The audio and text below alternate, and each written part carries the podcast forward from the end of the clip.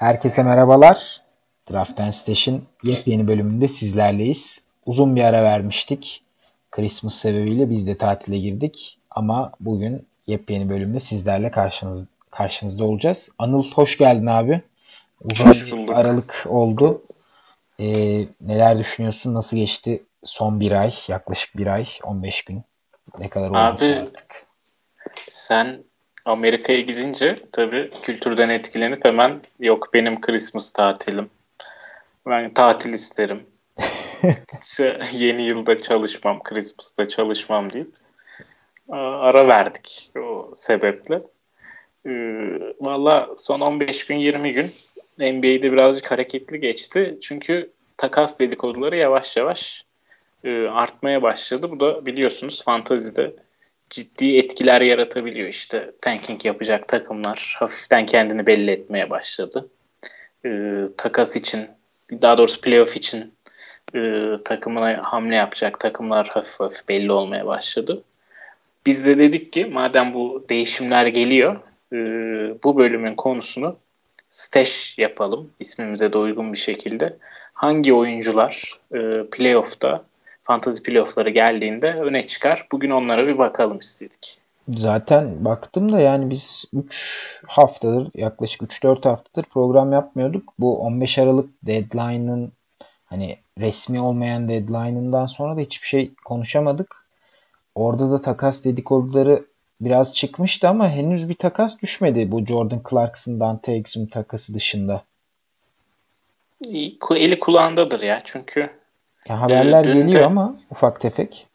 Ya bunun en büyük örneği konuşuyorduk biraz önce seninle. E, Cleveland'ın iki roster spotunu boşaltması oldu. Bunlardan en önemli bilgi de şöyle. E, daha doğrusu bu roster spot boşaltmanın takasa yönelik olması ile ilgili bilgi de şöyle. E, Shams dün bir tweet attı işte Alfonso McKinney'i e, gönderdiğine dair Cleveland'ın ama Cleveland waiver'dan çıktığında McKinney'i tekrar e, almak istiyormuş. Bunun tek bir açıklaması var. Biz takas yapacağız. Bir oyuncuyu gönderirken bu muhtemelen Kevin Love, belki Tristan Thompson karşılığında fazla sayıda oyuncu alacağız. Bunların e, maaşları yüksek olduğu için maaş dengesini tutturabilmek için takasla ve roster spot'a ihtiyacımız var. O yüzden bu oyuncuyu dropluyoruz. Sonra almaya bakacağız hani kadromuzda tutmak istiyorum. Bunun tek anlamı var. Ben onu gördükten sonra dedim takas kesin geliyor dedim de ya takas vardı bu hamleyi yaptı Cleveland yer açmak için sonra takas düştü ya da hakikaten bir iki gün içinde gelecek yani. Aslında bu fantaziye de benziyor. Fantazide genelde bu tip takasları yapıp geri attığımız oyuncuyu geri alabiliyoruz. Ya da almayı düşünebiliyoruz. Hani iyileşirse yok ne bileyim biraz iyi oynarsa tekrar düşünürüm gibi. O nedenle benziyor. Dediğin şey de şunu ekleyeyim abi. Shams'tan bahsettin. Bir de Wojnarowski var zaten. NBA'in iki büyük e, insider'ı ve son dakika habercileri, yangıncıları. Bu iki e, ismin bildirimlerini açmanız sizin e, bu takas haberlerini ilk olarak öğrenmenize de yol açacaktır. Twitter'da özellikle aktif olarak kullanıyor bu iki isim. Takasları görür görmez de hemen Fantazi uygulamasından veya Fantazi'nin e, internet sitesinden bir an önce bu oyuncuları ya da takasta karlı çıkabilecek oyuncuları ekleyebilirsiniz. Çünkü hareketli bir dönem geçiyor. Aynen.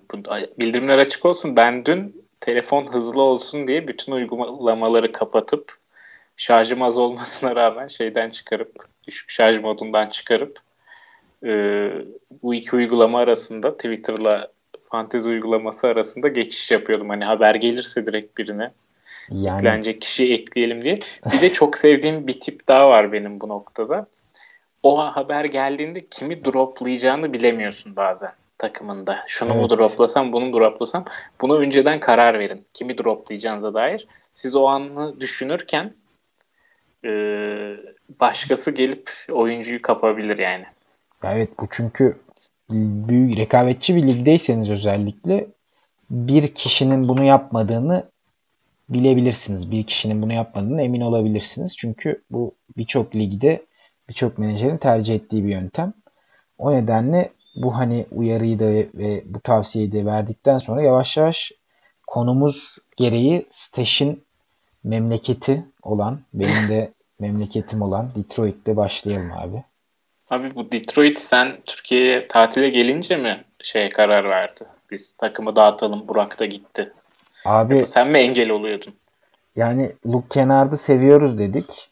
Hani bir olası bir takım dağıtma durumunda e, çok top kullanır dedik. Bu sebeple birçok ligde hatta her ligimde draft ettim. Birincisi Kennard sakatlandı. İkincisi e, ben takım dağıtırken hani sağlık ekibinin eline verip dağıtma şeklinde düşünmüyordum bunu.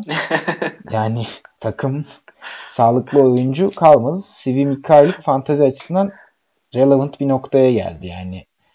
Ve Seku Dumbuya'nın da bu sene oynamasını beklemiyorduk.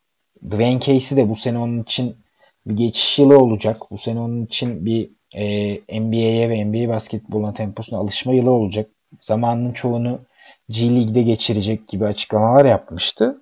Ama geçtiğimiz hafta sonu en çok eklenen iki oyuncudan biriydi Seku Dumbuya. Abi havaya girersen NBA çakar sana diyebilir miyiz böyle? Yok bu yıl G League'de gelişimi geçirecek biz playoff takımıyız falan.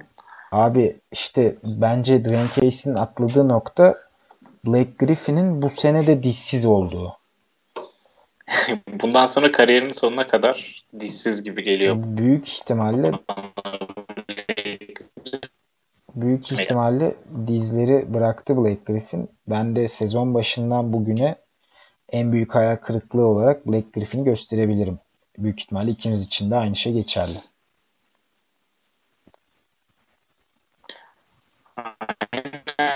Biz sezonu kapattı. O zaman Detroit'te bu yıl e, kimler steşlenebilir ki Drummond'ı da takas edeceklerine dair ki biz podcast'e girmeden bir yarım saat önce falan Mark Stein'ın bir haberi düştü ya da ben yarım saat önce okudum. E, Andre Drummond'ın kesinlikle bu yıl trade deadline'dan önce takaslanacağına yönelik.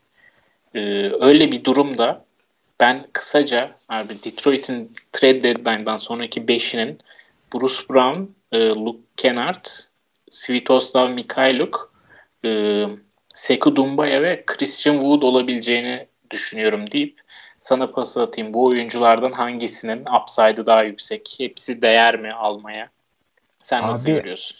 Senin Drummond'la ilgili söylediğin şeye bir ek yapayım. Sezon başından beri Drummond konusu e, Detroit medyasında özellikle gündemdeydi. Çünkü Detroit'in e, en önemli parçası Drummond ve özellikle takım sahibi Tom Gors'la arası çok iyi ve Gors da her seferinde e, Drummond'ı ne kadar sevdiğinden ve onun bu franchise'ın en önemli oyuncularından biri olduğundan bahsediyordu ama geçtiğimiz hafta sonu bir Los Angeles deplasmanında Lakers mıydı Clippers mıydı hatırlamıyorum. E, Tom Gors medya ile konuştu. Bunu da Tom Gors'un yapması çok ilginç. Şöyle çok ilginç abi. NBA e, yöneticilerinden çok sık bu şekilde açıklamalar veya bu şekilde medyaya bir demeç verirken görmeyebiliyoruz. Özellikle planlanmış bir şekilde. Ama Gors bunu her sene yapıyormuş. Ben de bunu yeni öğrendim. Her sene Los Angeles'ta bir medya günü, medya turu gibi bir şey yapıyormuş. Orada bahsetti bundan da. Ee, bizim takımımız şu an iyi gitmiyor. Bunun farkındayız ve playoff yapamadığımız ihtimalleri de düşünmek istiyoruz, düşünüyoruz gibi bir açıklama yapmıştı. Yani bütün opsiyonları değerlendiriyoruz demişti. Bu ilk defa Detroit açısından bir rebuilding olabilir mi e, açıklamasıydı. Bu rebuilding'e dair bir sinyaldi. Bu sebeple Drummond'ın takas olabileceği, Griffin'in e, sakatlığının ciddi olabileceği haberleri zaten ayyuka çıktı. Ondan sonra Griffin sen de bahsettin sezonu kapattı. Drummond'la ilgili de takas haberleri her gün düşüyor. Kontratı bitecek çünkü. Ve Detroit Drummond'a maksimum kontratı bağlamayı düşünmediği ve istemediği için bir rebuilding çalışması içerisinde Drummond'a karşılık genç oyuncular ve draft pickleri almayı planlıyor. Böyle olunca zaten bence sezon başında e, bütün herkes tarafından da en ufak bir sakatlık durumunda pozisyon bulması, süre bulması kesin olan Christian Wood'un ben kesinlikle e, steşlenmesi gerektiğini düşünüyorum. Sen de zaten Wood'a karşı e, fazlasıyla yükseksin diye düşünüyorum. Bir numaralı kazanan Christian Wood olacaktır bana kalırsa. Geçtiğimiz sene New Orleans'ta Davis yokken yaptıklarını hatırlarsak çok ciddi bir fantezi açısından oyunu değiştirecek bir oyuncu olabileceğini düşünüyorum ben.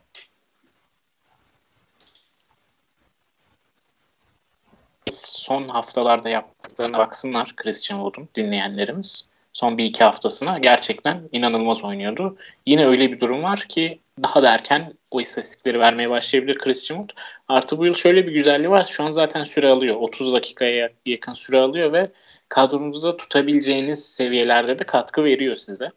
Ee, hemen şeyleri de belirtelim burada istersen. 12 takımlı ligler dahil hatta bence 10 takımlı ligler dahil Christian Wood kesinlikle e, eklenmesi gereken bir oyuncu. Sence burada Christian Wood'dan sonraki upside kimde? Ben Luke Kennard gibi görüyorum ama.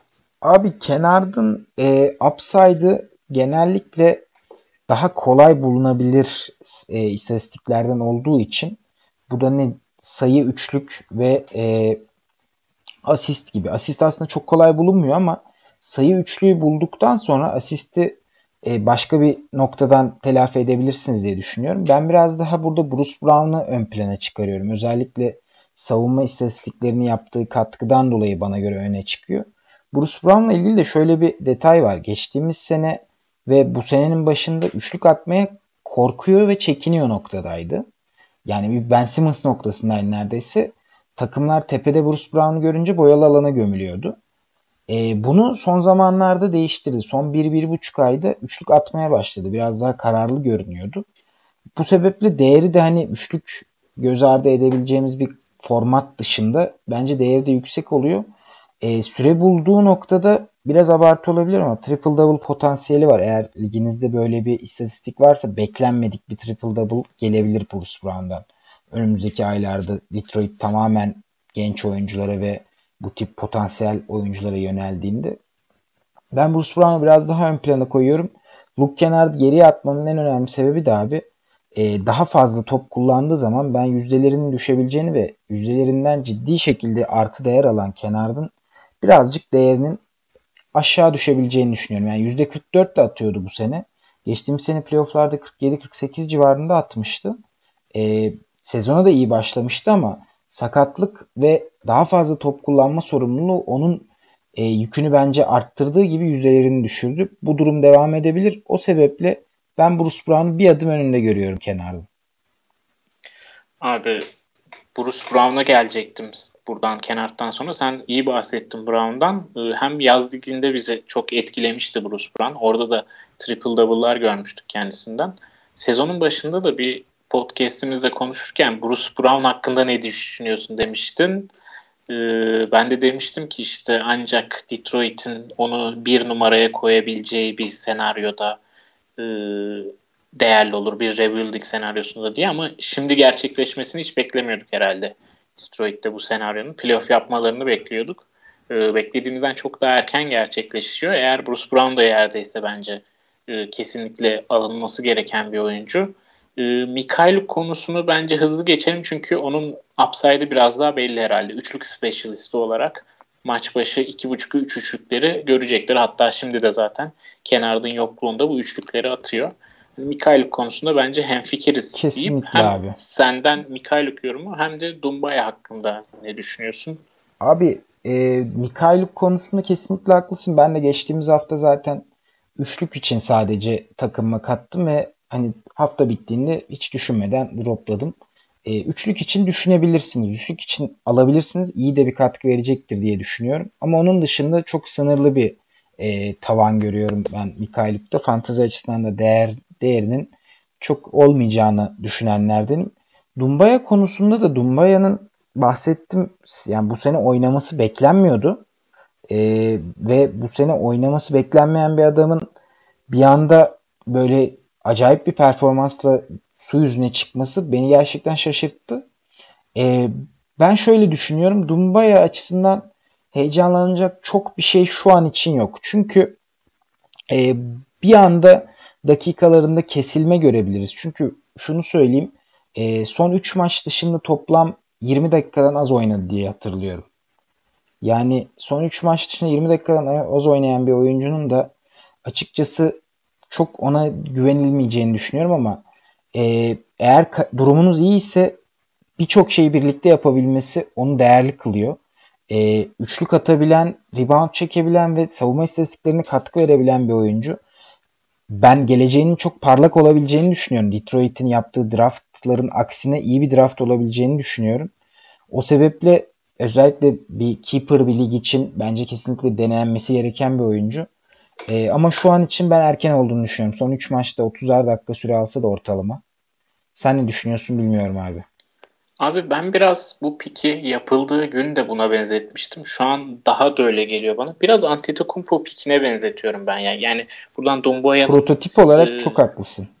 Şeyinin tavanın Antetokounmpo olduğu gibi bir yorum çıkmasın da yani ham, çok ham. Hem çok genç hem çok ham. Avrupa'dan gelen bir oyuncu, Avrupalı bir oyuncu ama aynı zamanda atletik yetenekleri inanılmaz. NBA 3 numarası 4 numarası prototipinde uzun kollar. E, belki hatta antenin gelişinden çok daha iyi bir şuta sahip şu an Dumba'ya NBA seviyesinde yeterli olması da. Prototip anlamında tam öyle ve süre vermek için çok e, emin yani emin değil de çok şey noktadalar rahat noktadalar Dumba'ya ben burada şey görüyorum ya bu saydığımız konuştuğumuz oyuncular arasında fantasy playoff'ları geldiğinde en böyle all around katkıyı top çalmadır, bloktur, üçlüktür, sayıdır, rebounddur hepsini birlikte verebilecek Dark Horse'un ben Dumbay olduğunu düşünüyorum. Kimi seçersin dersen Christian Wood'u seçerdim ama en yüksek upside'ı da bence daha riskli olsa da Dumbaya'da görüyorum. Ben Dumbaya, Christian Wood ve Bruce Brown'un tabii Luke Kennard'ın da kesin kesin kesinlikle kadrolara alınması gerektiğini düşünüyorum. Üçlü ihtiyacınız varsa da Mikhailuk'u değerlendirebilirsiniz. Abi Wood geçen sene üçlük atıyor muydu hatırlamıyorum sezon sonunda da bu sene özellikle bazı maçlarda böyle ikişer üçer tane üçlük attığı hatta 3-4 tane denediği ama atamadığı maçlar oldu. Ee, üçlük konusunda Wood da ilginç bir katkı yapabilir bu arada. Onu da belirtmek gerekiyor diye düşünüyorum. Dumbaya'yı bu arada şöyle son olarak onu söyleyeyim. Dumbaya'yı özellikle Detroit'in seçme sebebi, Dwayne Casey'in ve Ed Stefanski'nin seçme sebebi e, bu draftın en genç oyuncusu olduğunu bilmeleri ve üzerine yatırım yapabilecekleri bir oyuncu olduğunu bilmeleri sebebiyleydi. Özellikle söylemişlerdi bunu. Yani senin dediğin noktada ben katılıyorum. Çok ham ama işlenirse çok başka seviyelere çıkabilecek bir oyuncu. Antetokounmpo seviyesi çok uç bir seviye. Ben de pek mümkün görmüyorum ama 19 yaşında bir oyuncudan da benzer bir prototip görmek şu an için çok hayal değil bence. Abi Detroit özel bir case olduğu için şu an çok vakit harcadık ama son olarak Wood'a da şunu ekleyelim. Şu an Wood'u çok popüler olduğu için hani en çok eklenen oyunculardan biridir son zamanlarda. Kaçırmış olabilirsiniz. Bence şöyle bir pencereniz de olacak. Andre Drummond takaslanmadan bence Wood gerçek istatistiklerini veremeyecek. 5 numaraya geçtiğinde özellikle stil ve blok konusunda çok başka seviyelere çıkıyor Wood. Ama şu an Drummond olduğu için dakikalarını daha çok 4'ten alıyor. Ee, şu an ekleyip de Wood'dan beklediğini alamayan ya da bu muydu ya diyen e, takım sahipleri olabilir Drummond takaslanana kadar. O noktada belki Wood takasla alma şansınız olabilir. Yani bence çok fazla kişiye şampiyonluk kazandıracak bu yıl Christian Wood. Ee, Dikkat edilmesi nerede gördüğümü, kesinlikle. takas değeri olarak nerede gördüğümü anlayıp hani top 100 bir oyuncuyla alabiliyorsanız bence şimdiden takasla alabilirsiniz takımınızın durumu rahatsa. Yani şöyle söyleyeyim abi. E, sağlıklı bir look kenarda karşılık Christian Wood'u almayı tercih edebilirim. Hmm. Yani evet olabilir. Yani ilk yüz katkısı kenardın katkısı ilk yüz hani o civarda iki buçuk üçlük e, ile yapılan iki buçuk üçlük ile 15-16 sayı. Wood'u tercih edebilirim. Biraz daha zaman geçince daha iyi görebiliriz. Çünkü abi e, bu Detroit'in e, uzun rotasyonda şu an sadece Tom Maker var. Tehdit olabilecek. Ki Tom Maker da kendine bile tehdit olamamış bir oyuncu. yani önü çok açık Christian Wood'un. Deyip o zaman Detroit özel dosyamızı kapatalım abi. Buradan evet. geçmek istediğin bir takım var mı Detroit gibi gördün ya da isim sırasıyla mı gidelim? Abi e, Atlanta'yı takas bu Drummond takasına dair konuşmalardan dolayı konuşmayı düşünüyordum. Bir de isim sırasına da uygun. Bir yandan da Minnesota var. Hani bu Carl Anthony Towns'ın sakatlığı sebebiyle. Sen nasıl istersen öyle devam edelim. Abi Atlanta diyorum çünkü aklıma bu Drummond takasıyla ilgili söylediğin şeyden sonra çok severek takip ettiğimiz bir fantazi yorumcusu olan aynı zamanda Basketbol Monster'ın da sahibi, iki sahibinden biri. Josh Lloyd'un e, bu takaslarla ilgili söylediği bir şey geldi. E, Atlanta Detroit arasındaki Drummond takasının bütün detaylarını öğrendiğimize göre artık bu takasın gerçekleşmeyeceğinden %100 eminim tarzında bir şey söylemişti. Genel olarak da böyle söylüyor yani. yani bir takasın detayları takas gerçekleşmeden e, kamuoyuna dağılırsa o takas yüksek ihtimalle gerçekleşmez şeklinde. Yani son yıllarda da hakikaten bakınca çoğu takası yani Anthony Davis takası falan hariç e, duyduğum yani haberimiz olmadan bir anda şu şu şu şuraya takas oldu haberiyle aldık. Takas haberini aldık. Yani takas haberinden önce bu takas gerçekleşmek üzere tarzı bir haber almadık çok fazla. Biraz Drummond Atlanta takası da bana onu hatırlattı. E, Atlanta'da senin e, çok daha fazla takip ettiğim bir takım benden. O yüzden sana bırakayım buradan sözü. E, hem Drummond'ın gelme ihtimaliyle hem de eğer Drummond gelmezse Atlanta nasıl olur? Başka bir uzuna giderler mi? Mesela Dwayne Dedman ismi benim ilgimi çekiyor bu noktada. E, nasıl görüyorsun? Abi ben burada şunu düşünüyorum. Ee, senin Drummond'da söylediğin noktaya katılıyorum. Büyük ihtimalle bu takas olmayacak. E, bu takas olmazsa da bu takımda stash noktasında bir e, biri oyuncu açıkçası benim dikkatimi çok çekmedi. Şöyle çekmedi. Kevin Huerter'in zaten alındığını varsaydığım senaryoda. Ama yok Kevin Huerter bir şekilde waiver'daysa bence kesinlikle alın Kevin Huerter'i. Özellikle son zamanlarda son 3 maçtır galiba gayet de iyi oynuyor. Ee, Birçok alana katkı yapıyor. Ve gayet de iyi yüzdelerle oynuyor. Bu sebeple Huerter'i önerebilirim. Olası bir uzun takasında veya olası bir takasta da ben Atlanta'ya gelecek oyunculardan ziyade Atlanta'dan gidecek oyuncuların gittiği takımlarda iş yapabileceğini düşünüyorum. E, bu noktada da hani açıkçası ilgimi çeken bir oyuncu şu an için yok. Ben DeAndre Hunter'dan çıkacaklarını düşünmüyorum. Cam Reddish'ten de keza. Hani onlar veteranlarını bir şekilde iyi oyunculara dönüştürmeye çalışıyorlar. O sebeple hani olası bir mesela Bruno Fernando veya Damian Jones'un gittiği senaryoda gittiği takımdan biz uzun alırlarsa Bruno Fernando ve Damian Jones rotasyona girecektir ve 20-24 e, dakika civarında süre alarak bence çok e, stash etmeye değmeyecek katkılar verecektir. O nedenle Atlanta'yı bence Kevin Herter ve diğerleri şeklinde ayırabiliriz.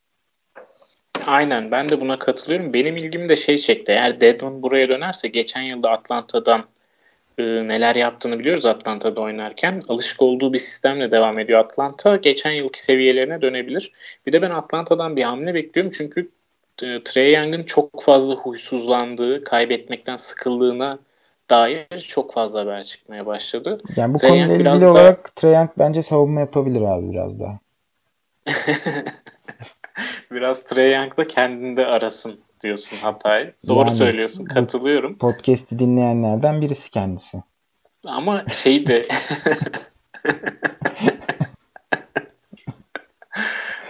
Ey Trey, Trey Young.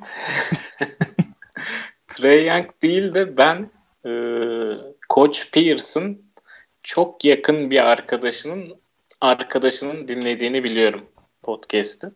Belki o şekilde ulaşırız. Ee, şey ne diyecektim? Abi ım, Deadman, kafam karıştı. Deadman diyordun abi. Trey De- Young huysuzlanıyor diyordum. Ben böldüm. Ha, Trey Young'ın huysuzlanmasının bir sebebi de şey e, birazcık onların böyle göbekleri Luka Doncic ile bir kesildi ya işte takaslandılar. Hı. Hangisi daha iyiydi? Kim karda çıktı Atlanta Dallas takasından falan derken böyle Trae Young'la Doncic şey gibi oldular. Birbirlerinin rival'ı gibi oldular bir anda. Evet, evet kesinlikle. Ee, orada Doncic contender bir takımın ana parçası olmaya doğru giderken e, Doğu'nun dibinde gezinen Trae Young pek onu hoşnut etmiyor herhalde. O da bir an önce rekabet edebileceği seviyeleri çıkmak istiyor. Yani Steven Adams ve Drummond geliyor benim aklıma Atlanta'nın hamle yapabileceği şu an. Ee, onun dışında da gelecek oyunculardan belki değer kazanabilecek olan Deadman var. Başka da aklıma gelen bir oyuncu. Belki Nerlens Noel olabilir. Ama ben sanki şeyi hissediyorum ya. Bu yıl Atlanta'nın trade deadline'dan sonra ilk 5 pivot olarak çıkacak oyuncu. Şu anki 3 çöpten bahsetmiyorum. Ee, yeni gelecek oyuncu çok değerli ilk 50 katkısı alabileceğimiz bir oyuncuya dönüşecek gibi. Bu da sezonun hot take'leri arasında yer alabilir o zaman. Aynen ama kim gelir çok ben kestiremiyorum. Ben de açıkçası. kesinlikle kestiremiyorum. Bu arada şunu da belirteyim abi. Dallas bu takası kazandı ama Atlanta'da henüz kaybetmedi. Bunu da yani win-win bir takas gözüyle bakıyorum ama evet. Ee, ee, buradan Boston'da sence stashleyeceğimiz bir oyuncu var mı? Taco Fall'u Taco Tuesday'ler dışında stashlemeye değer mi? Abi Boston yani Drummond'lı isimleri falan geçiyor da konuştuk. Marcus Smart, Jalen Brown'u, Gordon Hayward falan vermeyeceklerdir. Onu vermediği zaman da e, salarileri match etmeleri çok zor. O açıdan çok bir değişim be- beklemiyoruz Boston'da. E, Brooklyn'de var mı? Kyrie Irving'in de biz sezonu kapatacağını düşünüyoruz. O ameliyatı e, en sonunda olup sezonu kapatacağını düşünüyoruz. E, Brooklyn'de öyle biri var mı aklına gelen? Abi açıkçası benim aklıma gelen pek birisi yok. Ee, burada hani sen de bahsettin. Kyrie'nin sakatlığından bahsedebiliriz. Ee, bana kalırsa bence de dönmeyecek Kyrie bu sene herhangi bir şekilde. Dönse dahi fantazi playofflarında bir şekilde etki yaratabilir diye düşünüyorum. Yani şu andan itibaren ben droplamaya açığım Kyrie'yi. Bence e, droplayıp yerine iyi bir free agent katkısı yap, bulabilirsiniz diye düşünüyorum. En azından 1-1,5 ay katkı alırsınız bir oyuncudan. En azından hatta 2 aya yakın. Yani Dinwiddie'yi draft edenler sen önermiştin sezonun başında eğer Kyrie Irving'iniz varsa Dinwiddie'yi mutlaka mutlaka alın diye.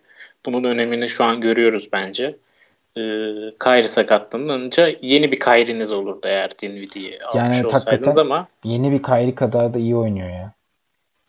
İşte önemini görmüş olduk bu kelepçeleme olayının. İleriki yıllarda daha çok da dikkat edeceğiz buna. Şu an şeyde de görüyoruz aslında biraz.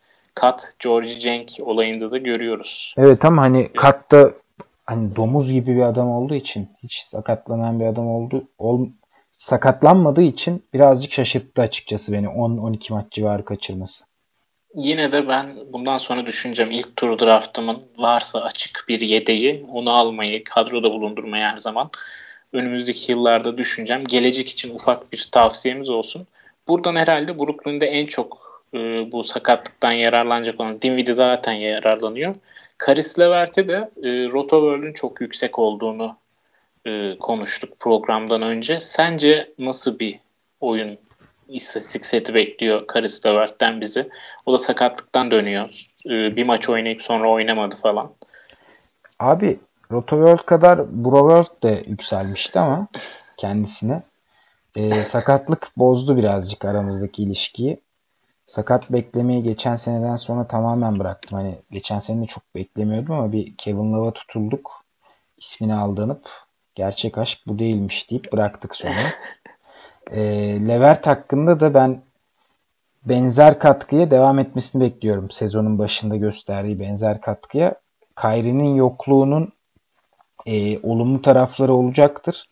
Mutlaka sayı olarak 20-25'lere yakın bir katkı görebiliriz ama Levert'in en büyük problemi istikrarsız katkı vermesiydi. Yani bir maç 25 sayı atıp öbür maç 18 sayı, 10 sayı gibi düşüşe geçebiliyor. Sonra tekrar 27 sayı, 15 sayı, şey 25 sayı gibi sayı olarak bir dalgalanma yaşayabiliyor. Onun dışında asist ve rebound rakamları genelde 4-4.5 civarında seyrederken ben üçlük rakamlarında da geç bu sezon başında bendeyken e, çok dalgalanma yaşadığımı gördüm. Yani bir maç sayıda da korele olduğu için tabii ki doğal olarak etkileniyor ama bir maç 24 sayı 25 sayı atıyor 3-4 üçlükle. Öbür maç 15 sayı atıyor hiç üçlük atmamış oluyor. Yani bu dalgalanmaları eğer göze alabiliyorsanız kesinlikle değerli bir parça. Bir kere asist katkısı verdiği için 4.5 civarında 4-4.5 civarında yine çok değerli olacaktır ama e, ben beklentiyi biraz düşürmek istiyorum. Çünkü beklentim yüksekti ve aradığımı umduğumu bulamadım Levert'ten. E, beklenti düşükken bence yapacağı katkı sizi daha çok sevindirecektir. O nedenle ortalama olarak 17 sayı, 5 rebound, 4.5 asist ve 1'e yakında top çalma bence gerçekçi bir hedef olur Levert için. Sen ne düşünüyorsun? Sen de e, bana droplatıp aldın Levert'i ve bir buçuk aylık beklemenin sonunda umarım umduğum bu değildi yani 13 sayı 2 üçlük bir asist için almadın herhalde Levert.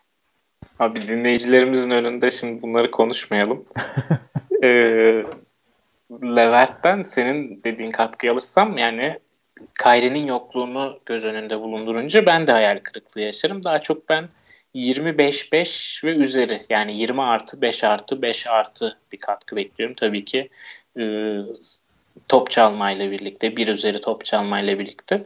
E, burada sıkıntı yaratabilecek noktalar Levert bu yıl aşırı top kaybı yapıyordu. Yani ikiye falan katlandı yaptığı top kaybı sayısı. E, sakatlıktan önce 3.4 top kaybıyla oynuyordu. Serbest atışları kariyeri boyunca kötü atıyordu ve o kötü atmaya devam edecektir. O noktada bir iyileşme beklemiyorum ama sağ içi isabet yüzdelerini de böyle 46-47'lere çekerse özellikle çok fazla üçlük bulmayan ya da ortalama üçlük bulan bir oyuncu olarak hani o zaman bir yararlı pozitif bir asete dönüşecektir fantezi takımları için diye düşünüyorum. Ee, upside için değerlendirilebilir, alınabilir diye düşünüyorum Levert için.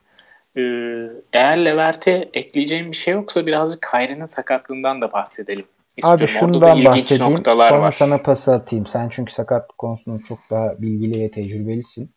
Levert'in e, ben istatistiklerini senin beklediğin kadar bir yükseklik beklemiyorum. Bir de Levert'in durumunda e, top kaybı gibi negatif etkilediği, çok büyük negatif etkilediği durumlar olduğu için hani biraz daha özel senaryolarda düşünülebilir. Ve son olarak da lig formatınız, daha doğrusu lig genişliğinize göre ben 14 ve 16'da alınmasına kesinlikle karşı değilim. Ama 12 liglerde e, şeyi potansiyeli çok yüksek olduğu için denenebilir. Ama eğer zor durumdaysanız, playoff kovalıyorsanız veya aşağılardan yukarılara çıkmaya çalışıyorsanız, playoff yeri kapmaya çalışıyorsanız Levert'in kötü performanslarına pek katlanamayabilirsiniz. Bu nedenle 12 liglerde birazcık daha temkinli olabilirsiniz bulunduğunuz pozisyona göre deyip Kyrie'nin sakatlığı ile ilgili sana atayım pası. Abi Kyrie'nin sakatlığını araştırdıkça böyle kafamda birleşmemeye başladı parçalar. Ee, o yüzden yani ben garip noktalardan bahsedeyim. Yorumu dinleyicilerimiz yapsın daha sonra. Kyrie dedi ki e, ben şeyleri anti-inflammatory yani işte oradaki e, omzunda yaşadığı rahatsızlığı geçirecek ilaçları almayı reddettim. 7 haftadır. Ama şimdi önüme bir seçenek sundular. Ya kortizon iğnesi olursun ya da ameliyat olursun şeklinde. Ancak o zaman ameliyatı ertelemek için bu kortizon iğnesini aldım dedi. Ee, yani 7 hafta önce falan alsaydı ya da ilk teklif ettiklerinde alsaydı şimdiye Kyrie'nin ameliyat olup olmayacağı ya da dönüp dönemeyeceği çoktan belli olmuştu. Burada bir hani muhtemelen Kyrie'ye sinirlidir draft edenler. Birazcık ateşini harlıyorum kendi Kyrie Irving e, antipatim de bunda sebep oluyor ama Kyrie'nin yine çok düzgün bir karar veremediğini gördüm ben e, bu sakatlık meselesinde. E, ikincisi de abi şöyle bir durum da varmış. Kyrie mesela şu an bu kortizon iğnesini oldu ağrısı azalabilir. Kayri geri dönebilir sahalara. Ama bu iğnenin etkisi geçtiğinde Kyrie'nin tekrar ağrılarının artmayacağının bir garantisi yok. Bu birinci durum. İkinci durumda Kyrie bir iğne daha olmayı da reddediyor. Benim anladığım kadarıyla. Yani bu kortizon iğnesi oldu ağrıları geçti. Tekrarlarsa Kyrie tekrar bir kortizon iğnesiyle oynamayacak sezonu. Hem bunu söyledi hem de şeyi ekledi. Zaten biz Kevin geldiğinde gelecek yıl bu takımı şampiyonluğa götürme e, noktasındaydık kafaca.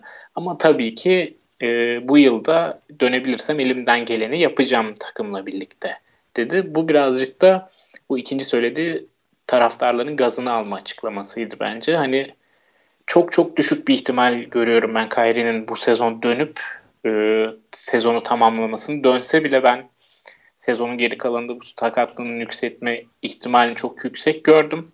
Zaten benim araştırmalarımda da e, güvendiğim sakatlıkla ilgilenen, oyuncuların sakatlığıyla ilgilenen e, yazarlar şeyden bahsediyordu. Bu sakatlığın eğer geçerse 4-6 hafta içinde geçeceğini, eğer geçmezse ameliyata gideceğini. Şu an Kyrie'nin 7 hafta olduğu pek geçecek gibi durmuyor açıkçası. Kortizon iğnesi de son bir deneme gibi ameliyattan kaçış sağlayabilir mi diye. Benim pek umudum yok Kyrie ile ilgili. O yüzden Dinwiddie ve Levert'e e, bu güvenle yatırım yapabilirsiniz diye düşünüyorum. Ben söyleyeceğim pek bir şey yok abi. Ben Kyrie'den e, bir şey beklemiyorum. Seninle aynı şekilde düşünüyorum. Buradan Charlotte'a Charlotte, Charlotte, Charlotte Hornets'e geçelim. E, dikkat ettiğin bir isim var mı burada? E, yoksa hani hızlıca PJ Washington'a dikkat edelim deyip geçelim mi? Abi aynen öyle. Yani sezon başından beri buradaki e, oyuncular belli. Zaten gençler oynuyor. Bu da değişmeyecektir. Sadece Drummond'da Charlotte'la ismi geçiyor. O ne kadar etkiler ben emin değilim. Belki PJ Washington etkileyebilir ama yani Charlotte'ın da Kemba'yı bırakıp sonra gidip Drummond takasına gireceğini ben, ben çok pek, hayal edemedim. Ben de pek hayal edemedim. Ee, bence zaman kaybetmeyin Hornets'le. Chicago'ya geçelim. Chicago'da Wendell Carter'ın sakatlığı vardı. Dün bir maçta e, sakatlandı maçın ortalarıydı yanılmıyorsam. Ve Daniel Gafford e, süreleri aldı. Bence sakatlık nüksederse uzarsa iyi bir opsiyon olabilir diye düşünüyorum Stash için. Ama şu an için çok böyle bir açıkçası Stash mantığına çok uymayan bir oyuncu bana kalırsa. Aynen Stash mantığına uymuyor. Şey için bahsedelim istedik Gafford'dan bu bölüme şey ekleyemeyeceğiz. Yani haftaya bakış kimi eklemelisiniz tarzı bir bölümümüz olmayacak. Buralarda ufak ufak değinelim istedik. E, Wendell Carter'ın bileğini çok kötü burktuğu ve bir ay falan kaçırabileceğini görmüştüm Twitter'daki sakatlık yorumcularından. Hani öyle bir durum olursa Gafford'ı bir ay blok için kullanabilirsiniz. Çünkü kendisi zaten 12-15 dakikada bile yaklaşık bir buçuk blok falan yapıyor. Öyle bir durum olabilir. Bu arada e, Otto Porter'ın sakatlığı sebebiyle kanat rotasyonu yok e, Chicago'nun. Bu sebeple Lavin, Satoranski, Kristan gibi bir üçlü sahada kalıyor çoğunlukla. E, özellikle Kristan takaslanırsa bir noktada e, Kobe White'ı da düşünebilirsiniz diye düşünüyorum ben. Ama Stash'e şu an için uyduğuna pek inanmıyorum ben. Hani böyle beklenecek bir oyuncu olmayabilir. Çünkü Dan fena oynamıyor ve Chicago'nun ona ihtiyacı var. Özellikle savunmada.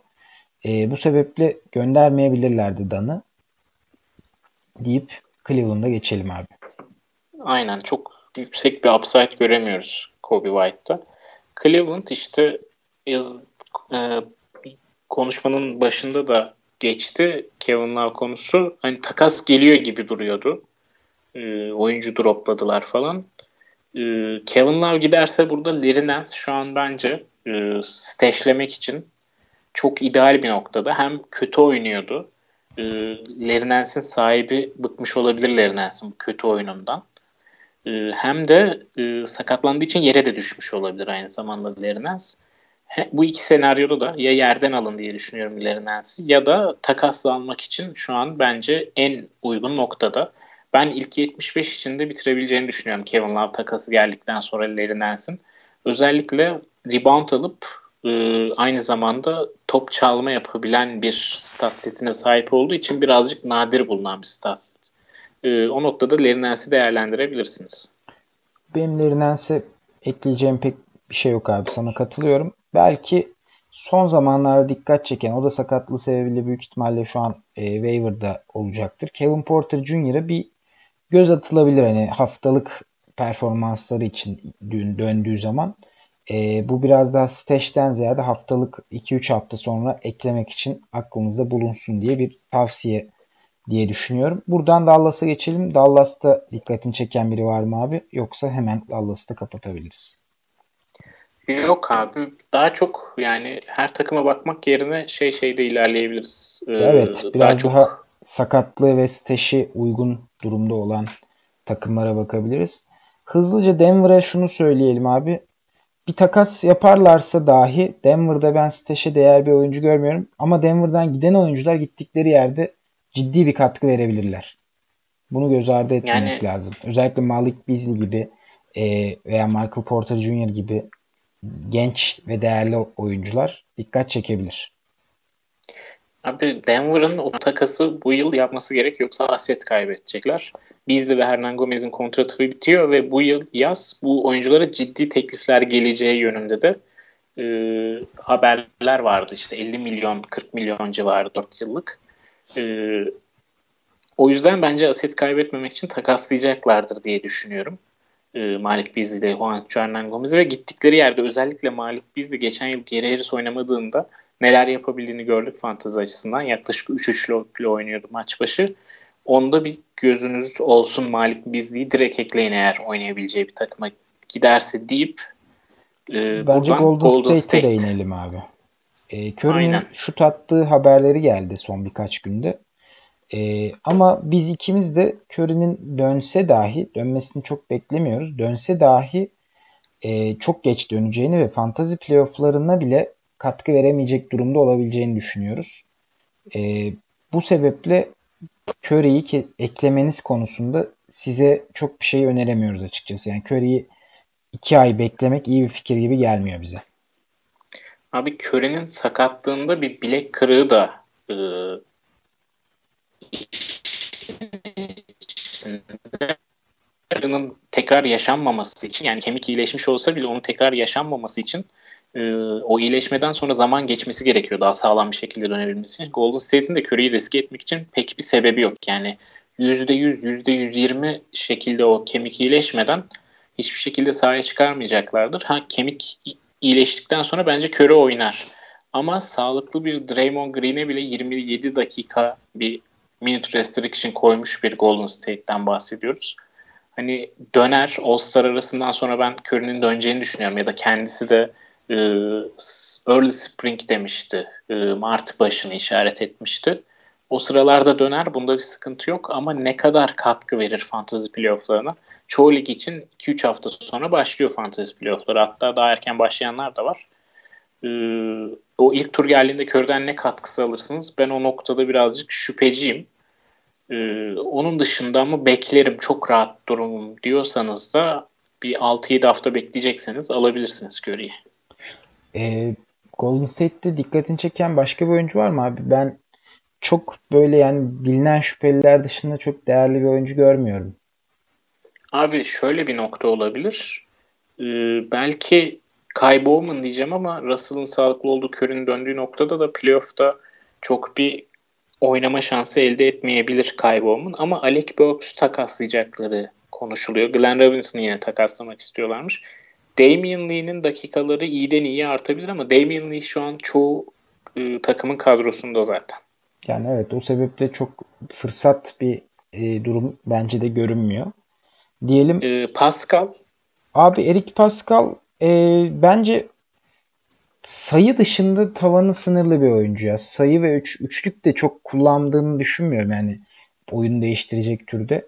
Sayı için eklenebilecek bir oyuncu ama onun dışında süre alsa dahi diğer istatistiklerde çok ciddi bir katkı vermesini beklemiyorum.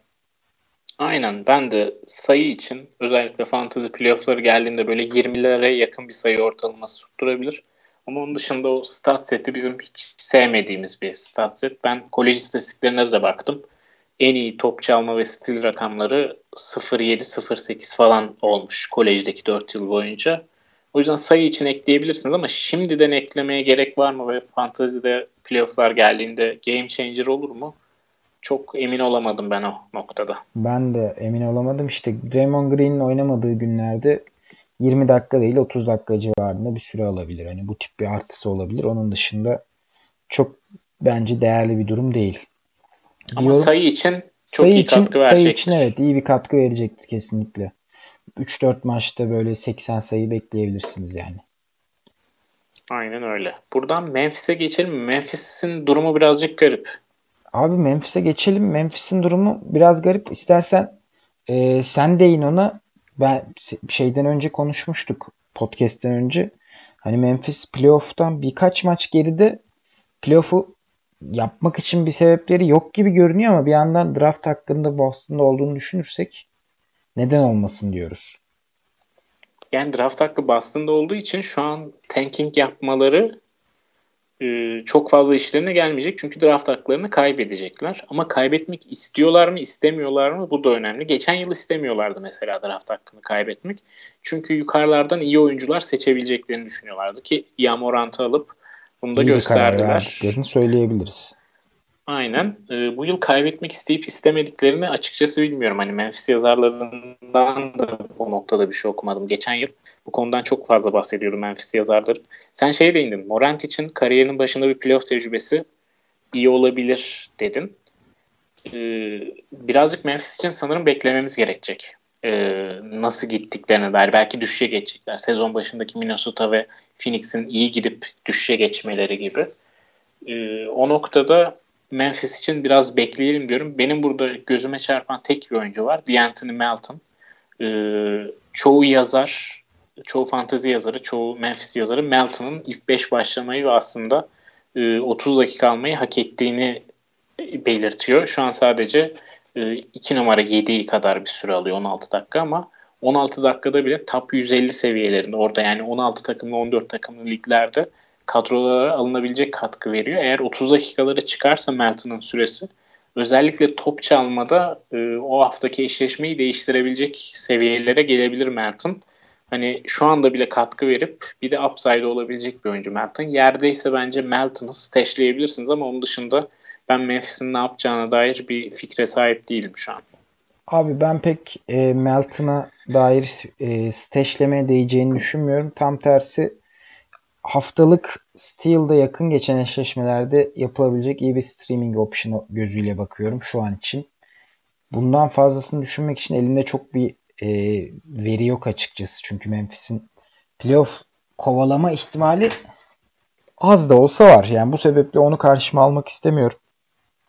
Daha iyi stash opsiyonları olabileceğini düşündüğüm için ben Melton'a çok sıcak değilim. E, Miami ve Milwaukee'yi geçiyorum. Minnesota'ya değinelim istersen. Hı hı. Abi burada Onlar da playoff'u saldılar gibi. Yani evet Towns'un yokluğunda biz Towns yoksa biz de yokuz dediler ve maç kazanmadılar. Hatta Towns yoksa biz de yokuz diyen birkaç tane de oyuncu oldu takımda. Hepsi Towns'la birlikte oynamamaya, sakatlanmaya başladılar. Ee, bunları düşününce de hani Minnesota'da Towns'un en ufak bir sakatlık durumunda maçta oynamaması bana çok olası geliyor. Veya e, geçen seneki Anthony Davis'e benzer bir durum. Bir anda 35-36 dakikalardan, 32-33 dakikalardan 24-25 dakikalara oynamamaları düşebilir gibi geliyor. Böyle bir durumda zaten hali hazırda çoğu ligde ekli olan George Cenk'i düşünebilirsiniz. E, Cenk üçlük de atabilen ve e, çok değerli yüzdeleri de etkileye, iyi etkileyecek düzeyde bir performans veriyor. Bu sebeple oyunu değiştirebilecek bir durumda olabilir. Özellikle Towns maçta kaçırırsa hani süresinin azalmasının yerine maç kaçırırsa Cenk gerçekten hafta kazandıracak istatistikler verebilir diye düşünüyorum. Burada e, benim Towns'la ilgili söylemek istediğim şey geçen yıl e, bende olduğu için yakından takip etme şansım olmuştu Towns'un sezon boyunca grafiğini. Şunu görmüştüm Towns'ta. E, artık genç oyuncu statüsünden e, takımın yıldızı statüsüne geçtiği için bence mentalite olarak bu Towns'u etkiliyor ve sezon sonunda hem saha içindeki dilini hem de fantezideki istatistiklerine bakarak söylüyorum. E, çok fazla sallamıyor gibiydi Towns sezon sonu oynayan maçları ve aslında bana da bu playofflarda birazcık pahalıya patlamıştı Towns'un düşen performansından dolayı. E, son bir ayda Towns geçen yıl sıralamada 34. sırada. Son iki haftada da 80'ler civarında olması lazım yanlış hatırlamıyorsam. Towns sezon sonu salmaya bence şu an çok müsait. Eğer elinizde Towns varsa ben takaslamanızı e, tavsiye ederim. Hatta programın öncesinde de sana aynı tavsiyede bulundum. Hatta ee, şunu da söyleyeyim. Bu programı Tansu satacağınız arkadaşınıza da dinletmeyin. Aynen. Yoksa değerini daha düşürmüş olursunuz. Tabii bekleyin bir sakatlıktan dönsün birazcık iyi oynasın o zaman en değeri en tepedeyken satın. Bir de Towns'a karşı şey var ya fantazi camiasında bir maç kaçırmıyor. Demir adam hani o sebeple Towns çok seviliyor. Ama bence artık Towns sezon sonu salan bir demir adama dönüştü. O yüzden bu yılda salmaya çok müsait. Zaten mutlu olmadığına dair haberler de çıkıyor. Ee, o açıdan Towns'dan çıkardım ben sakatlıktan dönüp değerini tekrar elde ettikten sonra. Abi ben de ekleyecek e, bir şey bulamıyorum. Hani Jared Culver da iyi oynuyor. Zaten onu konuşmuştuk. Teague bench'e geçince Culver eklenebilir diye streaming köşelerimizin birinde. Minnesota'yı da buradan kapatalım. New Orleans'ta Holiday'in özellikle bir e, rest durumu veya sakatlık durumu olduğunda dikkatini çeken bir oyuncu var mı? Ben burada steşlenecek tek oyuncuyu Zion Williamson olarak görüyorum ama o da zaten birçok ligde alınmış durumdadır diye düşünüyorum. Özellikle e, yaklaştığına dair haberler çıktığı için.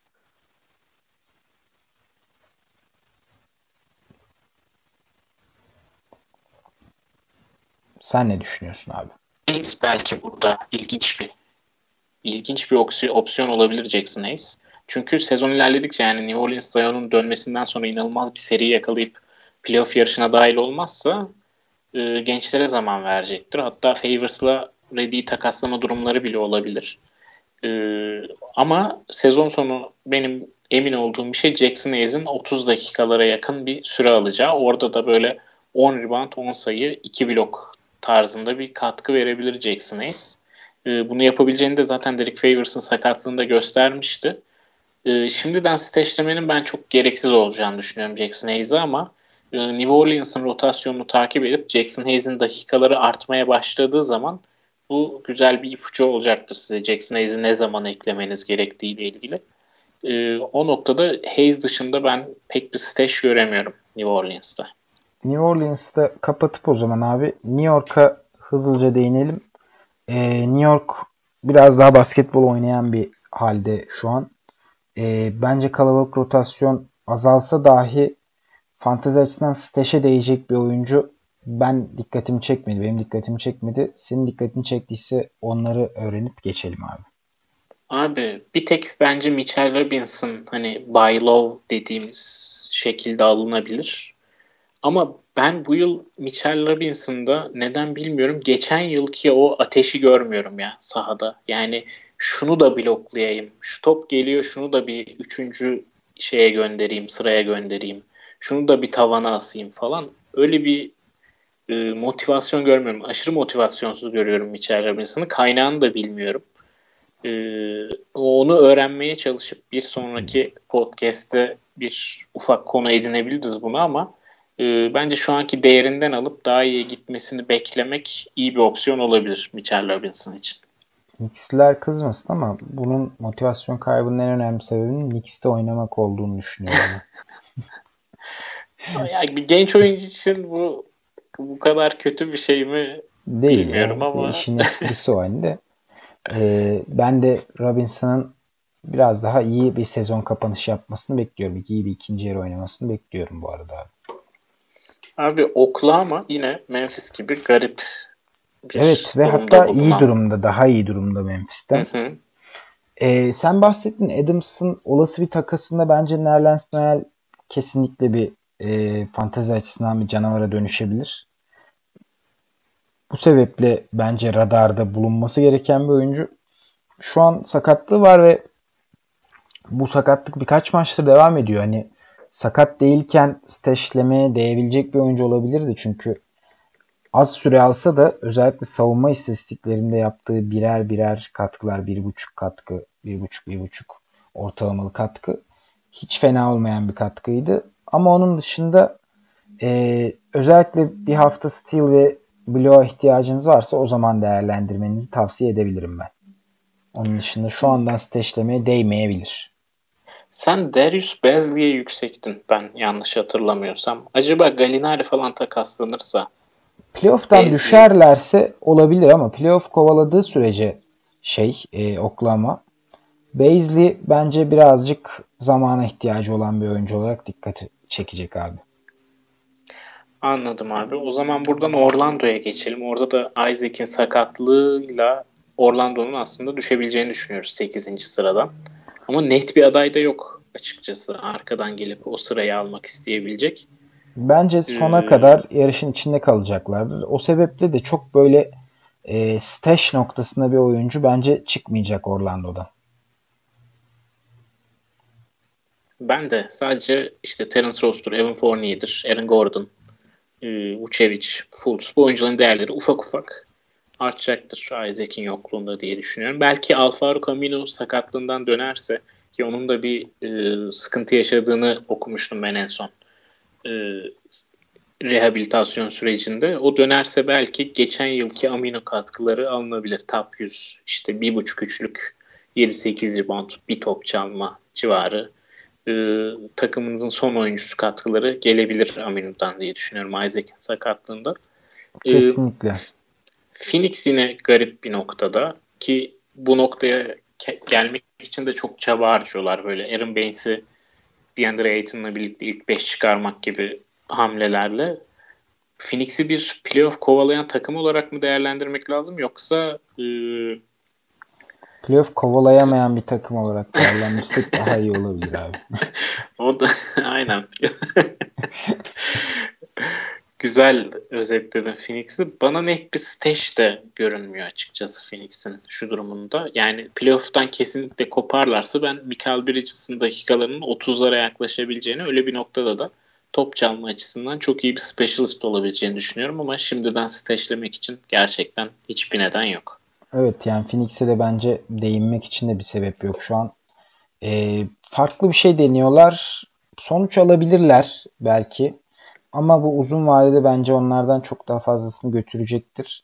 Ee, çok aldanmaya gerek yok. Hani bu kadronun şu anki halinin yeterli olduğunu aldanmaya kesinlikle gerek yok bana kalırsa. Aiton Baines ikilisini denemek belki bu sezon için veya birkaç maç için iyi ama sezonun e, takımın geleceği için pek iyi bir hamle değil bana kalırsa. Abi buradan Portland da aslında playoff kovalayamayan takım. Yani bir şekilde kovalamak isteyip dahil ediliyor Portland şeye e, yarışa. Bunun en önemli sebebi de Batı'da 7. sıradan sonra hatta 6. sıradan sonra e, net adayların azlığı olarak görünüyor. O sebeple burada hani bir takas olursa oradan bir fırsat çıkabilir bana kalırsa. Onun dışında Portland, Lillard ve McCollum zaten sağlıklı iki oyuncu. Ee, olduğu sürece bir şekilde yukarıyı zorlayacaktır diye düşünüyorum. Burada ismi takasta en çok geçen isimler Kent Bazemore ve Hasan Whiteside. İkisinin kontratlarının bitiyor olması sebebiyle e, bu isimler geçiyor. En çok ismi geçen oyunculardan biri Portland'da Kevin Love. Ama bana yani Bazemore ve Whiteside'ı gönderip Portland'ın e, gerçekten bu iki oyuncunun kontratları bittikten sonra Portland çünkü gelecek yıl 95 milyon civarı bir e, ödeme yapıyor olacak oyunculara. E, ciddi bir cap space'leri olacak yazın aslında. E, bu iki oyuncuyu gönderdikleri ve Kevin Love'ı aldıkları senaryodan bahsediyorum. Bu cap space'i kaybediyorlar. Yani Kevin Love değer mi? bu oyuncuları gönderip bu cap space'i kaybetmeye yazın. Ya da doğru çözüm mü Kevin Love? Carmelo Anthony bir yandan 4 numarada oynuyor. Hani onun rolü nasıl değişecek? Sen nasıl bir hamle bekliyorsun Portland'dan? Kim gidebilir, kim gelebilir? Abi senin, seninle konuştuk yayın öncesinde. Ee, Kevin Love ikimiz açısından da biraz üstüne düşününce çok iyi bir hamle olmayacak gibi görünüyor. Özellikle esneklik kaybetme ve zaten var olan problemlerini daha da derinleştirme açısından Portland'ın. Bu sebeple Kevin Love'ı eliyoruz biz ikimiz de. Ee, ama burada özellikle Bazemore ve Hasan Whiteside'ın bir şekilde gönderildiği durumda bir kanat rotasyonuna bir oyuncu ve e, özellikle potu altında Nurkic'in yedeği de olabilecek ama aynı zamanda Nurkic yokken yaklaşık bir aylık bir süre daha olmayacakken Nurkic'i ikame de edebilecek bir oyuncu e, aklımıza ge- geliyordu. Yani bunu düşünüyorduk. Bu noktada ikimiz de hani Jay Crowder ve Robert Covington gibi daha hani topla haşır neşir olmayan oyunculara yöneldik. Ama bunları da özellikle Crowder'ı Memphis'in durumundan dolayı Covington'ın da istedikleri fiyatın yüksek olmasından dolayı çok gerçekçi iki hedef olarak görmüyoruz şu an için. E, ama aradıkları prototip olarak çok doğru iki aday bana kalırsa. Yani bir de şöyle bir sorun da yaşıyorlar. Ee, ilk 5 pilotların Nurkic hani bir yıllık bir sakatlıktan dönecek. Eğer Portland playoff'ta ilerlemek için bir hamle yapmayı düşünüyorsa bu yıl e, Nurkic'in sağlığına ne kadar güvenebilirler Whiteside'ı gönderdikten sonra. E, Zach Collins'ın da döneceğini düşünüyor, düşünürsek ama o da 4 aylık bir sakatlıktan geliyor. Yani Nurkic, Zach Collins iki sakatlıktan dönen pivotun bir pozisyonda rotasyon oluşturmasını özellikle playoff'ta nasıl güvenecekler? Ee, benim aklım çok fazla yatmıyor. Yani oraya da birini getirmek durumunda kalacaklar Whiteside'ı gönderirlerse. Yani GM'e çok büyük iş düşüyor. Bir yandan e, genç oyuncuları tutmak, onları yollamadan takas yapabilmek. Bir yandan işte bu yılki takımın tavanının neresi olduğunu yeni gelecek oyuncularla belirleyebilmek falan. Yani çok iki ucu e, keskin bir noktada Portland'ın bu durumu. Ben 50-50 olarak görüyorum takas yapma ve yapmama durumlarını ama Lillard'ın da bu durumdan, şu anki takım durumundan çok rahatsız olduğu ve bu sebepten bir takasa zorlayacağı konuşuluyor. Ee, takas dedikoduları arasında çok bir kararsız kaldığımız takımlardan biri sanırım Portland. Çok bir şey Abi sen de bahsettin ben de bahsedecektim. Sen söylemiştin Lillard'ın da Trae Young gibi hani birazcık bu yönetim işlerinde veya yönetime dair bu takım başarılı olmalı, başarılı playoff'a gitmeli gibi baskılarından dolayı bir takas olabilir de bizim galiba ortak düşüncemiz e, takımın şu anki halini korumak veya biten kontratları yine biten kontratlarla değiştirerek bir takım iyileştirmelere gitmek ve bu yaz için esnekliği kaybetmemek yönünde bir strateji geliştirmeleri gerektiğini düşünüyoruz. Bu sebeple Portland'da bence stash noktasında belki Zach Collins düşünülebilir. Ama Nurkic döner ve Hasan Whiteside takımda kalırsa Zach Collins Carmelo'nun da gelişiyle açıkçası e, sakatlıktan önceki formuna birazcık zor dönecek gibi görünüyor fantazi açısından. O yüzden o da değersiz gibi gözüküyor staj anlamında şu an. Evet, evet maalesef. Ee, Sacramento'da ilgini çeken biri var mı? Deadman takas istedi. Gittiği takımda değerli olabilecektir diye düşünüyorum. Çünkü kimse Deadman'ın e, seneye de 13 milyon dolar olan kontratını oynatmayacağı bir oyuncu için almaz. Bir de Kuzma meselesi de var burada. Kuzma'nın da e, takas edileceğine dair e, haberler çıkmaya başladı. Bir de Kuzma'nın antrenörü sanırım Instagram'dan Lebron'u hedef alan e, açıklamalar yapmış. E, Brian Shaw sanırım kim kimle programda söylemiş tam hatırlamıyorum da e, bir de Kuzma'nın e, Lebron'un menajeriyle anlaşamadığı ve bu iki olayın Kuzma'yı silmesine sebep olduğunu Lebron bahsediyordu. Kuzma takaslanacak gibi Sacramento'da en büyük e, talibi şu an Kuzma'nın.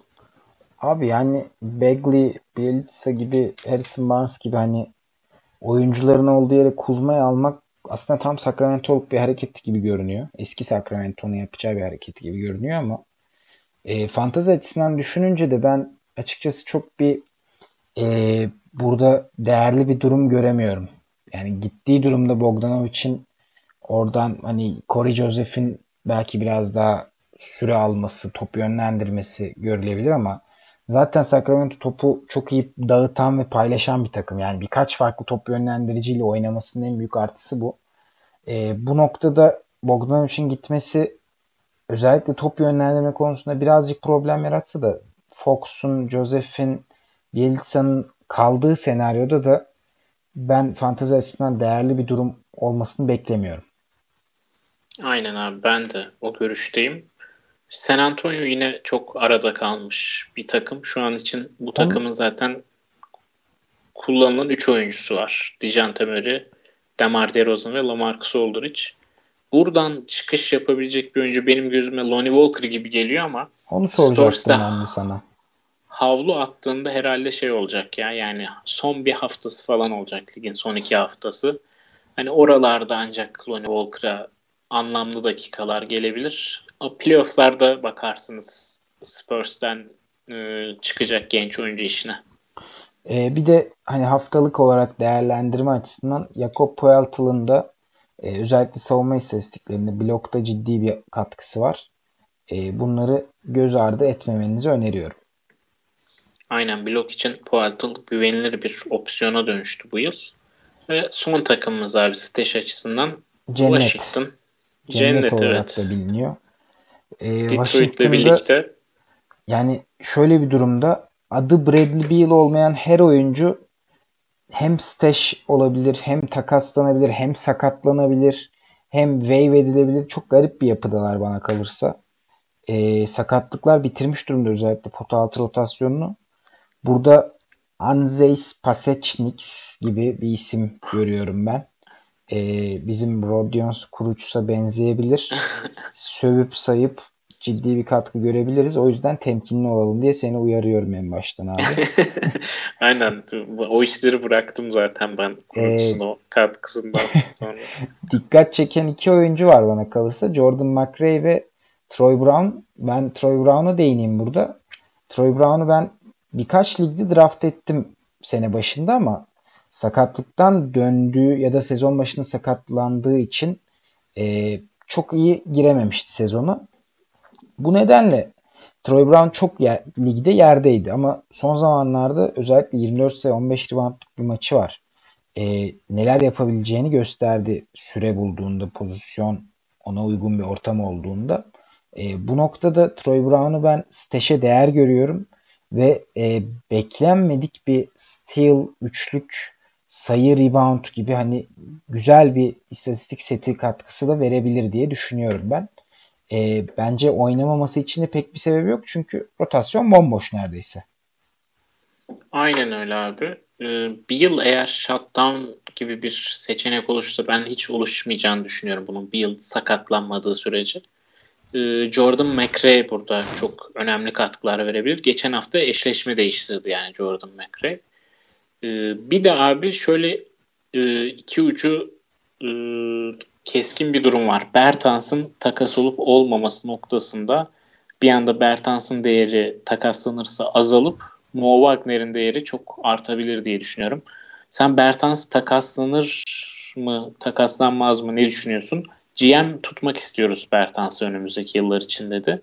Ama hem tuzlu olacağını bu işin biraz hem de şu an için e, contenderların Bertans'a bir birinci tur teklif edeceğini ben neredeyse kesin olduğunu düşünüyorum. Sence nereye gider bu iş? Abi Bertans'ın ben takas olacağını düşünüyordum. Ta ki seninle konuştuğumda sen beni biraz ikna et, edene kadar. Çünkü senin söylediğin özellikle e, Bertans'ın kontratın e, Wall ve Beal ile birlikte değerli olabileceğini düşünmen ve bu üçlüye bir şekilde bir e, şans verip önümüzdeki sene deneyip ondan sonra Bertans'ı yollama yoluna gidebileceklerini söyleyen bana mantıklı gelmişti. E, ondan önce ben Bertans'ı özellikle şut isteyen bir contender'ın kesinlikle alabileceğini ve alması gerektiğini düşünenlerdenim. Düşünenlerdendim.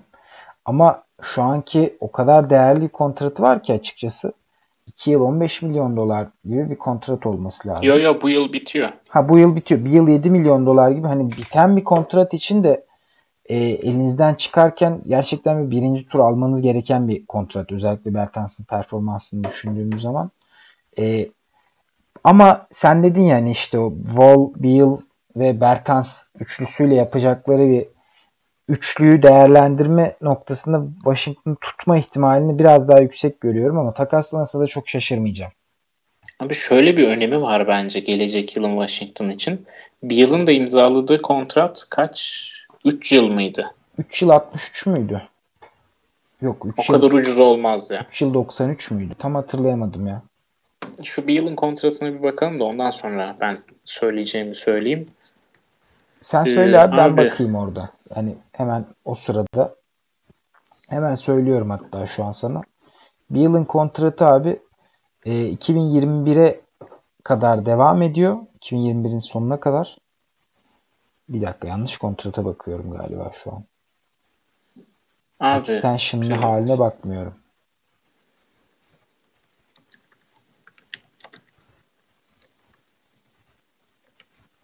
Abi söyleyeceğim şey şu. E, bir yılın kontratı imzaladığı extension e, normal bir extension'dan biraz daha kısa. Heh, buldum abi. 2 yıl 72 milyon. galiba. Üçüncü yıl opsiyonu milyon, var. Aynen. Aynen. Yani üçüncü yıl opsiyonu var. 2022-2023'te opsiyonunu kullanmayıp 2022'de serbest kalabilir yani 2022'nin sonunda. Yani garanti olan 3 yıl daha kontratı var. Bu yıl dahil bir şekilde Washington'la Bradley Beal'ın. Gelecek sezon eğer Washington e, başarılı bir sezon geçirmezse Bradley Beal'ın kontratında da bir yıl kalmış olacak ve bir yıl muhtemelen takasını isteme noktasına e, gelebilir. O açıdan Washington bizim bildiğimiz normal bir şey takımına benzemiyor bence. E, tanking yapan takıma benzemiyor. Geç gelecek yıl başarılı olmaları bir yılı elde tutabilmek adına çok önemli. Ve Davis Bertans da e, John Wall gibi bir oyun kurucunun e, şutuna güvenemeyeceğiniz ama e, drive edebilen ve kickoutlarda şutörü çok rahat bulabilen bir oyun kurucunun etrafına yerleştirmek isteyebileceğiniz en iyi oyunculardan biri Davis Bertans. O açıdan ben tutmalarının daha olası olduğunu düşünüyorum. Yani basketbol sebeplerinden dolayı tutmaları gerçekten daha mantıklı ve korkusuz ve düşünmeden atması çok ciddi bir artı. Özellikle iyi de atıyorken yani 3.8 mi 4 mü ne bir ortalaması vardı sakatlıktan önce. Üçlük ortalaması. Yani şaka gibi. Yani ligin en iyi şutörlerinden biri ve yani bu karar sadece işte kontratı biten bir oyuncumuzu karşında birinci tur alalım şey değil. Bradley Beal'ı takımda tutabilmeye kadar varabilecek bir karar olduğu için Domino taşı etkisi yani. Aynen. Ben de Bertans'ın senin söylediğin sebeplerden ötürü kalmasını biraz daha olası görüyorum. Ama, Ama kalmazsa da beni şaşırtmayacak yani. yani. Çok iyi bir offer gelirse çok yukarılardan bir birinci tur onu seçebilirler. Bir de Bertans sakatlandığında Mo Wagner'in değeri inanılmaz noktalara gelecektir. Şu anda da sakat ben, ve daha sakatta kalacak 2-3 hafta daha. Hachimura'yı da, olsun. Hachimura'yı da es geçmemek gerektiğini düşünüyorum. E, Hachimura da bence radarda bulunabilir. Sakatlık sebebiyle çoğu ligde yerde olacaktır ama özellikle bir takas sonucunda bir iki hafta beklenebilecek bir takımınız varsa, bekleyebilecek, kaldırabilecek bir takımınız varsa Hachimura'yı da olası bir Bertans takasında değerlendirmeniz gerektiğini düşünüyorum. Aynen katılıyorum abi ben de. Sanırım programın Sanırım sonuna geldik. Evet abi uzun bir aranın ardından uzun bir program oldu. Umarım buraya kadar dinlemişsinizdir bizi.